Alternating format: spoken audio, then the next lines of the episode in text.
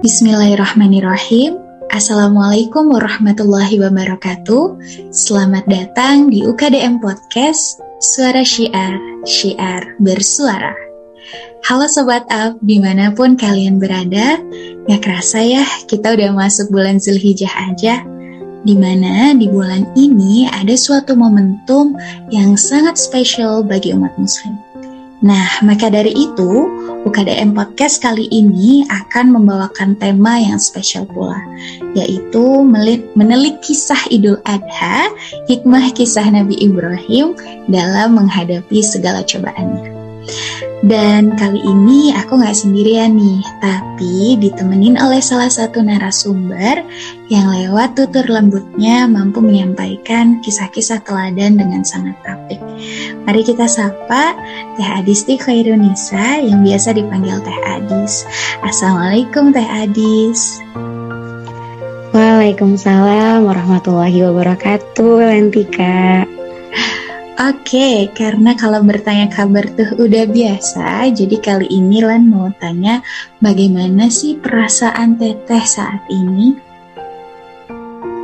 Masya Allah, perasaannya penuh syukur dan hikmah ya Lan ya, karena hari ini Allah uji, Allah berikan banyak agenda dan Masya Allah hari ini ditutup dengan bertemu sama teman-teman di UKDM dan gak henti-henti ternyata ya di waktu-waktu yang seharusnya kita mungkin udah pada istirahat Allah masih ngasih kesempatan berharga ini jadi sebaik-baiknya kita kita coba ambil hikmah sebanyak-banyaknya dari apa yang kita lakukan sekarang Masya Allah, di tengah padatnya waktu, tapi masih mau meluangkan waktu teteh untuk hadir ya di UKDM Podcast ini.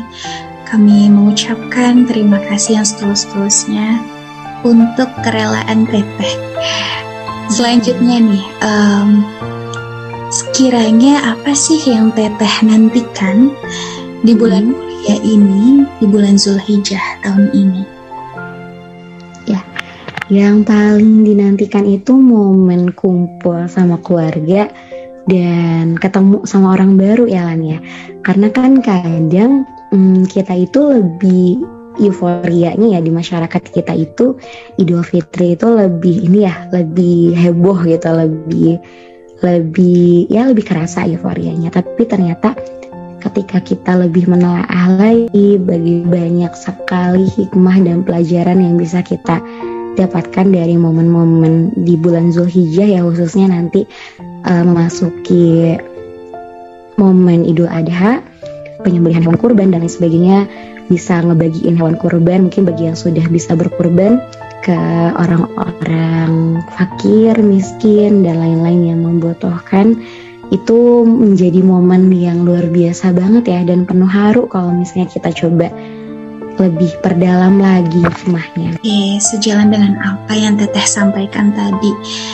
Hmm. Sepertinya kebanyakan umat muslim saat ini memang sedang menantikan momen Idul Adha ya Teh, Hari Raya Idul Adha. Hmm Nah, uh, sekiranya apa aja sih teh macam-macam kisah hmm. yang ada di balik perayaan Hari Raya Idul Adha?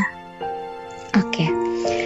Uh, eh, ini ternyata selalu menyebutnya legasinya seorang Siti Hajar ya Lan ya.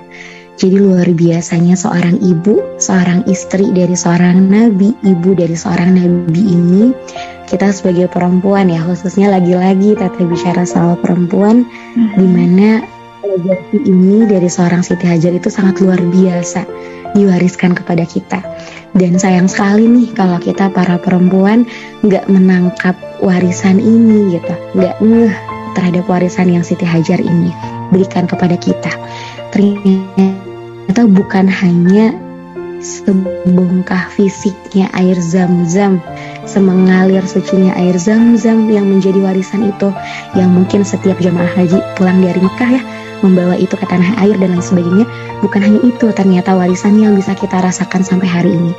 Tapi bagaimana kita bisa melihat bahwa seorang Siti Hajar benar-benar mengamalkan yang namanya percaya sama takdirnya Allah, tawakal dan ikhlas. Ikhlas itu sepertinya bukan lagi kata kerja ya bagi Siti Hajar, tapi sudah tertumbuh, tertanam luas di hatinya. Jadi kalau misalnya nih Lantika dan kawan-kawan di sini, kawan-kawan semua yang mendengarkan, bagaimana kita tahu bahwasannya ketika Siti Hajar pada saat itu belum dianugerahi anak sampai akhirnya Allah berikan dianugerahinya seorang anak yang mana sebelum itu Siti Hajar merelakan terlebih dahulu dengan hatinya yang ikhlas membiarkan Nabi Ibrahim suaminya menikah dengan seorang pada saat itu Siti Sarah ya pembantunya yang pada saat itu menemani keluarga kecilnya dinikahi oleh suaminya sendiri. Melahirkan terlebih dulu seorang anak. Dan kemudian ketika Siti Hajar pun mengandung ya seorang nabi yang luar biasa Nabi Ismail alaihissalam pada saat itu apa ujian pertama yang Allah berikan Allah perintahkan kepada suaminya untuk apa untuk mengasingkan istri dan anaknya yang ditunggu-tunggunya selama ini Bayang kalau di zaman sekarang udah dianggap gila kali ya, udah dibully sama seluruh netizen di Indonesia kalau ada orang kayak gini. Allah Allah minta apa? Allah minta asingkan. Dan apa yang diucapkan oleh Siti Hajar ketika Nabi Ibrahim mengucapkan pergi itu ya dengan anaknya, Siti Hajar malah bertanya, "Wahai suamiku, apakah ini perintah Allah?" Apa jawaban Nabi Ibrahim? Iya betul, ini perintah Allah. Dan pada saat itu dengan keyakinan hati, dengan keikhlasan hati, Siti Hajar jawab apa? Apabila ini benar perintah Allah, aku mau melakukan ini. Bayangin, disimpan di tengah gurun tandus. Tidak ada air sama sekali, tidak ada kehidupan sama sekali. Cuman ada fata morgana aja ya, gak ada sama sekali kehidupan di sana. Di antara dua bukit yang menjadi saksi bagaimana seorang Hajar berlari ke sana kemari dari sofa ke marwah. Dan luar biasanya ketika pada saat itu Ismail kecil ada di tengah-tengah itu, ini kita dibelajarkan oleh Siti Hajar. Warisan terbesarnya adalah bagaimana ikhlas terhadap segala apa pun yang Allah kasih. Ridho sama apa pun yang Allah kasih buat kita. Siti Hajar bolak-balik sofa marwah tapi akhirnya air zam-zamnya di mana? Ada di tengah-tengah itu. Tidak ada di antara sofa, tidak ada di antara di sofa ataupun di marwah, tapi di antara kedua itu. Bayangin bolak-balik, bolak-balik sampai akhirnya keluarlah air zam-zam itu. Tapi Siti Hajar nggak bilang ya, aduh, tahu gitu mau udah aja nunggu di tengah-tengah. Aduh, tahu gitu mau udah aja diem dari tadi. Nggak mikir gitu ya pada saat itu Siti Hajar. Tapi terus berusaha mengejar apa yang Allah perintahkan apa yang Allah yang pada saat itu menjadi ujian untuknya. Nah ini menjadi uh, hikmah yang mungkin kita sadari juga ya teman-teman bahwasannya ketika kita sudah berusaha sekuat tenaga, ketika doa-doa kita sudah melangit begitu tinggi, ketika mungkin ketika kita sangat memanjangkan sholat-sholat malam kita, sholat duha yang tidak tertinggal dan lain sebagainya, itu kalau misalnya Dian yang bilang gini kalau misalnya setan bisa ngomong di hadapan kita saat itu juga ketika kita mendirikan mana sebelum-sebelumnya nggak pernah sholat malam mungkin setan akan bilang ya ada ini lagi sih dia sampai sholat malam ngincer dunia apa lagi dia sampai sholat malam gitu mungkin saking saking kita tadi ketika ada inginnya doang ya datang ke Allah tuh nah Siti Hajar ini memberikan hikmah kepada kita bahwasannya usaha semaksimal apa pun, doa setinggi apa pun kita panjatkan kepada Allah, hasilnya itu adalah bagaimana yang terbaik menurut Allah. Ya Masya Allah, Masya Allah, Allah. Kisah Siti Hajar, istri Nabi Ibrahim, di mana seorang perempuan ya teh, seorang muslimah gitu dengan itu pasti sesuai gitu. Nah, yang menjadi pertanyaannya, bagaimana kalau hasilnya nggak sesuai sama usahanya? Bagaimana kalau kita minta A ketika kita berusaha, tapi Allah kecewa nggak sih kira-kira kita? Ya Allah udah mati-matian ngejar untuk masuk PTN A misalnya. Eh dapatnya kok di kampus B ya ya Allah.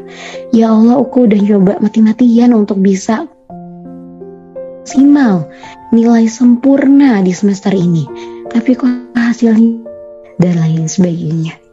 Hanya akan memunculkan kekecewaan kalau misalnya kita terus-terusan nuntut hasil teman-teman. Tapi beda sama Siti Hajar. Kita bisa lihat bagaimana warisan ini secara tersembunyi kita coba gali gitu ya teman-teman.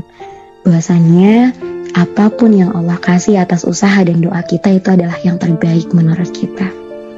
Jadi yang tidak akan mengkhianati kita tuh bukan hasil, tapi ini baru-baru teteh menemukan hikmah ini gitu ya dan sangat bang sangat-sangat terbuka gitu ya untuk teman-teman sepakat ataupun tidak sepakat. Karena ini soal prinsip dan value yang coba kita tanamkan ke diri kita. Kita pernah gagal berkali-kali ketika begitu yakin dan maksimalnya dan akhirnya malah kecewa, akhirnya malah tidak ridho sama apa yang Allah kasih.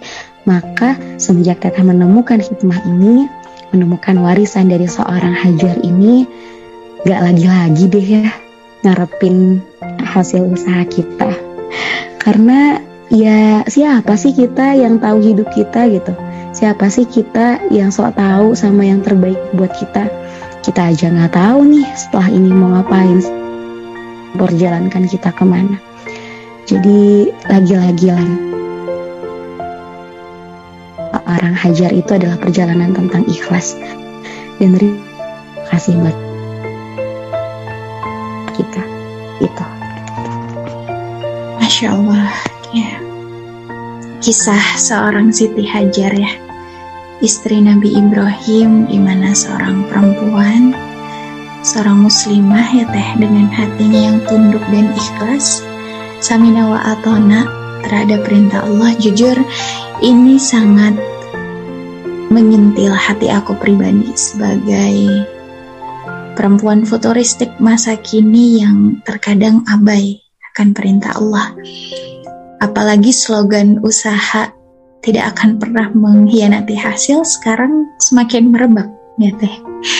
Dan seharusnya yang harus kita percayai itu adalah Tuhan semesta alam, Allah Subhanahu wa taala dibanding usaha kita. Oke, Masya Allah itu dari sisi perempuan istri Nabi Ibrahimnya. Lalu bagaimana Teteh uh, kisah dari Nabi Ibrahim itu sendiri? Apa sih yang bisa kita pelajari dan kita pahami dari kisah Nabi Ibrahim?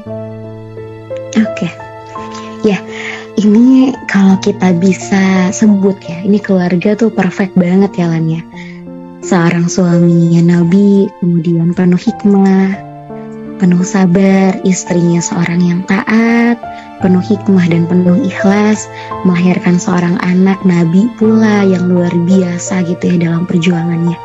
Dan ini benar-benar jadi panutan kita nih masa kini gitu ketika banyak di luar sana family goals dan lain sebagainya gitu ya tapi ternyata Allah tuh udah nunjukin loh teman-teman lebih dulu dan kita ternyata yang selama ini abai, kita ternyata yang selama ini nggak coba buat nyari tahu. Nah makanya nggak ada yang terlambat teman-teman. Kita tuh suka sedih kalau misalnya di luar sana tuh masih berpikir ya kan beda itu zaman nabi itu zaman dulu ya kan beda itu kan udah ditetapkan jadi nabi loh kita lihat loh bagaimana perjalanan seorang Ibrahim dari seorang ayah yang pembuat patung berhala ya Lan ya. Coba bayangin, bukan lagi orang musyrik loh, orang yang menciptakan Tuhan pada masa itu.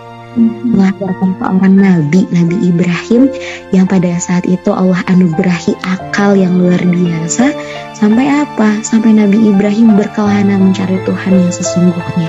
Berlari melihat bulan, bintang, langit, matahari yang pada akhirnya silih berganti semua itu sampai akhirnya pada suatu kesimpulan bahwa Allah lah zat yang maha sempurna yang tidak bisa kita lihat di dunia ini yang telah menciptakan alam semesta ini. Itu tuh perjalanan yang panjang sampai akhirnya Nabi Ibrahim ada pada satu kesimpulan itu. Dan luar biasanya, ini lagi-lagi nih, kalau misalnya kita mencoba untuk menguak apa sih sebetulnya yang mau Nabi Ibrahim ajarin ke kita? Ternyata tentang apa coba? Tentang hijrah yang terus menerus. Jadi nggak ada ujungnya namanya hijrah tuh ternyata teman-teman. Kalau misalnya nih teman-teman di sini yang ngerasa, oh SMA tuh kerudung aku masih lempar gitu masih pakai celana jeans masih suka pacaran dan lain-lain terus sekarang aku kuliah udah bisa ikut ngaji, udah nggak pacaran lagi, kerudung aku udah lebih memanjang dan lain-lain. Dan kita merasa pada saat itu kita sudah hijrah pol-polan gitu ya. Waduh, apa kabar yang pada saat itu dilakukan dan dilalui oleh Nabi Ibrahim. Jadi namanya hijrah tuh ternyata terus menerus teman-teman, gak ada ujungnya. Sampai kita mati itu kita lagi berusaha buat hijrah. Hijrah tuh apa sih sebetulnya? Berpindah dari mulai diri kita yang sudah baik mungkin menjadi lebih baik. Dan yang paling penting dari diri kita yang awam terhadap ilmunya Allah menjadi kenal Allah. Itu yang paling penting. Karena pada akhirnya ya teman-teman, orang yang hijrah itu bukan orang yang justru menyombongkan dirinya sudah lebih baik, tapi justru orang yang merasa dirinya terus kekurangan. Dan itu ternyata yang diwariskan oleh Nabi Ibrahim juga. Ketika Nabi Ibrahim tadi sudah menyadari bahwa oh Allah lah semesta alam yang menciptakan langit dan bumi ini yang menciptakan betapa besarnya matahari, bulan, bintang dan lain sebagainya. Dan pada saat itu Nabi Ibrahim diperjalankan ke berbagai daerah.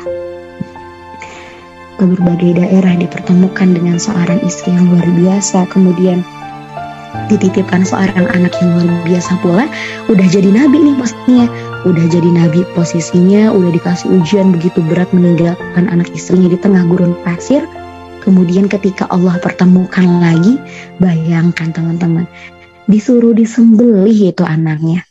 Anak laki-laki yang ditunggunya, anak laki-laki yang ditinggalkannya, tiba-tiba pas ketemu disuruh disembelih. Waduh lagi-lagi. Kayaknya kalau di Indonesia beneran ada zaman sekarang. Seluruh Indonesia udah bikin petisi boykot apa pun itu gitu ya. Saking wah, luar biasa sekali itu di luar nalar teman-teman karena makanya yang namanya iman itu tuh ya nggak bisa diukur pakai logika nggak bisa diukur pakai otak kita tapi lagi-lagi ini soal hati iman itu soal keikhlasan, soal kebersihan hati kita, bagaimana kita memandang setiap yang Allah tampakkan di hadapan kita, bukan oleh mata kita, tapi oleh hati kita. Itu ternyata hikmahnya. Dan pada saat itu, ketika Nabi Ibrahim disuruh untuk menyembelih anaknya, putranya sendiri, dan benar gitu ya, seorang anak laki-laki yang luar biasa ini, pemuda ini lahir dari seorang rahim ibu yang luar biasa, tidak ada penolakan sama sekali. Ismail muda pada saat itu sangat percaya bahwa oh, ayahku itu sedang diperintahkan oleh Allah. Dengan bismillah Allahu Akbar menyembelih putranya sendiri dan keajaiban Allah pada saat itu. Lagi-lagi ini cerita heroik cerita perjuangan pada masa-masa Nabi, pada masa-masa khalifahan dan lain sebagainya itu bukan cerita yang bisa kita nalar oleh pikiran kita, oleh otak kita, oleh logika kita. Tapi ini adalah cerita-cerita yang bisa kita tangkap lewat hati kita. Kalau misalnya teman-teman merasa bergetar hatinya ketika membaca ataupun ketika mendengar setiap siroh atau perjuangan pada masa-masa Nabi siapa pun itu, terkhusus Nabi Ibrahim yang sedang kita ceritakan kisah heroiknya ini berarti bersyukurlah pada Allah yang menitipkan hati ya hati yang luas ini untuk menerima setiap keajaibannya Allah. Jadi tadi sangat luar biasa dan komplit sekali keluarga ini Alan ya istrinya yang luar biasa menitipkan banyak warisan pada kita suaminya Nabi Ibrahim yang banyak pula menitipkan hikmah buat kita dan begitu pun anaknya dan anak cucunya, cucu-cucu keturunannya, para nabi-nabi lainnya. Sehingga lagi-lagi teman-teman, kisah perjuangan ini kita maknai dalam momen Idul Adha ini sebagai bentuk rasa syukur bahwa Allah telah memberikan kita banyak pelajaran dan hikmah lewat keluarga yang sangat luar biasa ini. Gitu. Masya Allah teh, dari tadi tidak henti-hentinya ya mengucap kalimat tersebut. Masya Allah, Masya Allah. Kalau dikomparasikan dengan kehidupan saat ini ya teh, memang masih relate. ketika memulai hijrah itu gampang aja, tapi untuk bertahan dengan cobaan-cobaan yang semakin meningkat itu masya Allah luar biasa sekali godaannya teteh.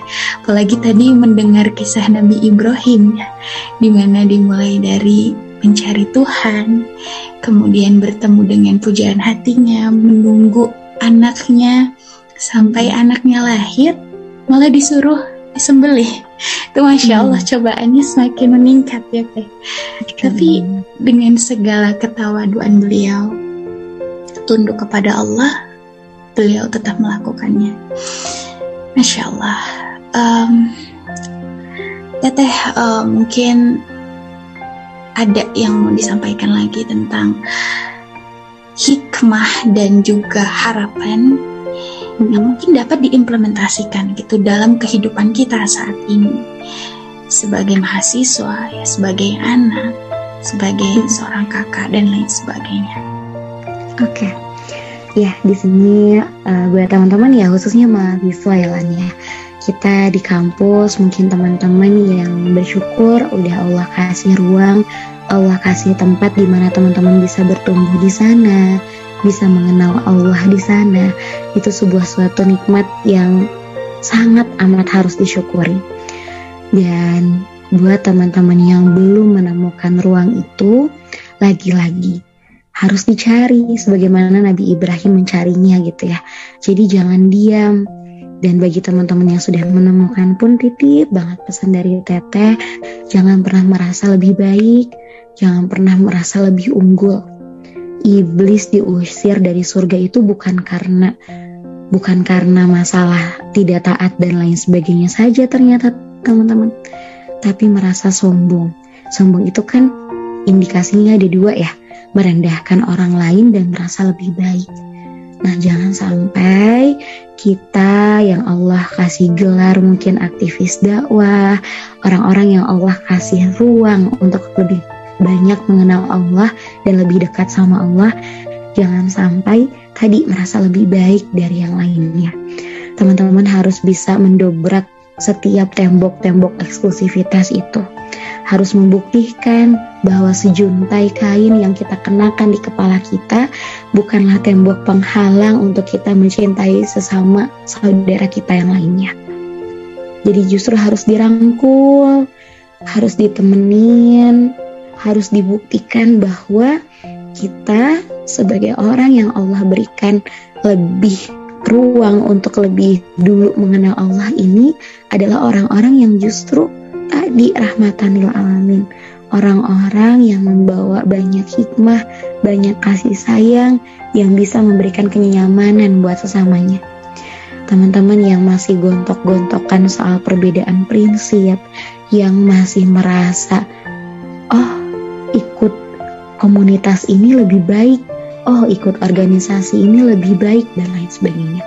Lagi-lagi, kalau kita masuk setiap apa pun ya, rumah apa pun, tempat-tempat tempat teman-teman bertumbuh di sana dengan niat karena Allah, karena kita mau untuk lebih dekat sama Allah, gak akan ada sedikit pun perasaan merasa lebih baik. Jadi tadi pesan teteh teman-teman masih panjang nafasnya di kampus, teman-teman masih Allah anugerahi kesempatan untuk banyak menebarkan cinta, menerbitkan dakwah ini dengan hikmah. Karena ternyata dakwah yang paling efektif tuh bukan cuma ngomong di masjid doang ya Lan ya. Tapi bagaimana kita bergaul, bagaimana orang lantika bisa baik sama temannya, jadi organisator yang disiplin, jadi seorang pemimpin yang adil dan bertanggung jawab, teman yang nyaman untuk sesamanya. Nah, kita buktikan bahwa menjadi muslim itu sesederhana itu kok. Jadi orang yang taat itu sesederhana itu kok. Tidak harus muluk-muluk teman-teman hafal ribuan hadis, teman-teman hafal ribuan fatwa dan lain sebagainya. Cukup dimulai jadi teman yang baik, teman yang nyaman untuk sesamanya. Karena janji Allah ya ternyata salah satu di antara golongan-golongan yang Allah naungi di surga nanti yang Allah akan pertemukan di surga nanti adalah dua sahabat yang saling mencintai karena Allah dan pemimpin yang adil ternyata salah satunya. Jadi kalau misalnya nih teman-teman punya bestie gitu ya di kampusnya, punya teman di jurusannya mungkin sangat heterogen, dirangkul satu-satu. Diperkenalkan bahwa kita ini adalah orang-orang yang lagi berusaha untuk barengan terus sampai surga. Bilang ditatap satu-satu matanya bahwasannya ya siapa pun itu gitu ya teman kita baik itu yang belum berkerudung mungkin atau bahkan belum bisa mengenal sholat dan lain sebagainya.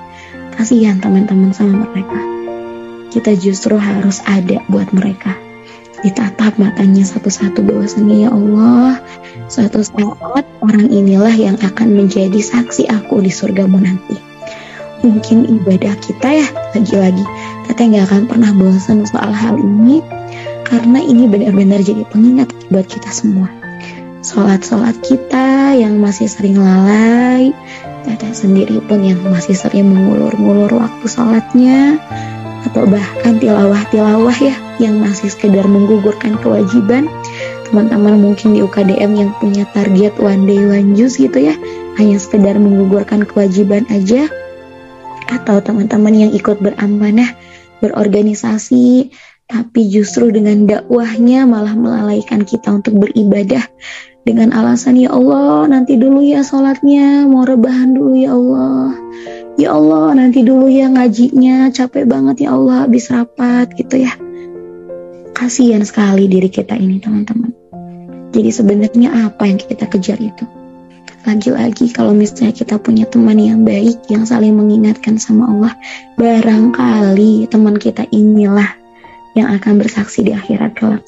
Bahwasannya nanti suatu saat ya Allah, Lantika ini, Natria ini, Aisyah ini, Aulia ini adalah orang-orang yang dulunya sama-sama ya Allah di UKDM UPI.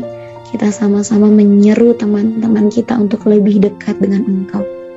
Nah, barangkali kesaksian-kesaksian itulah yang akan membangun jembatan kita menuju tempat berpulang di keabadian sana. Jadi nggak harus sholat dong teh, nggak harus dakwah, nggak harus gitu juga. Kesimpulannya adalah teman-teman tadi harus bisa merangkul semua orang.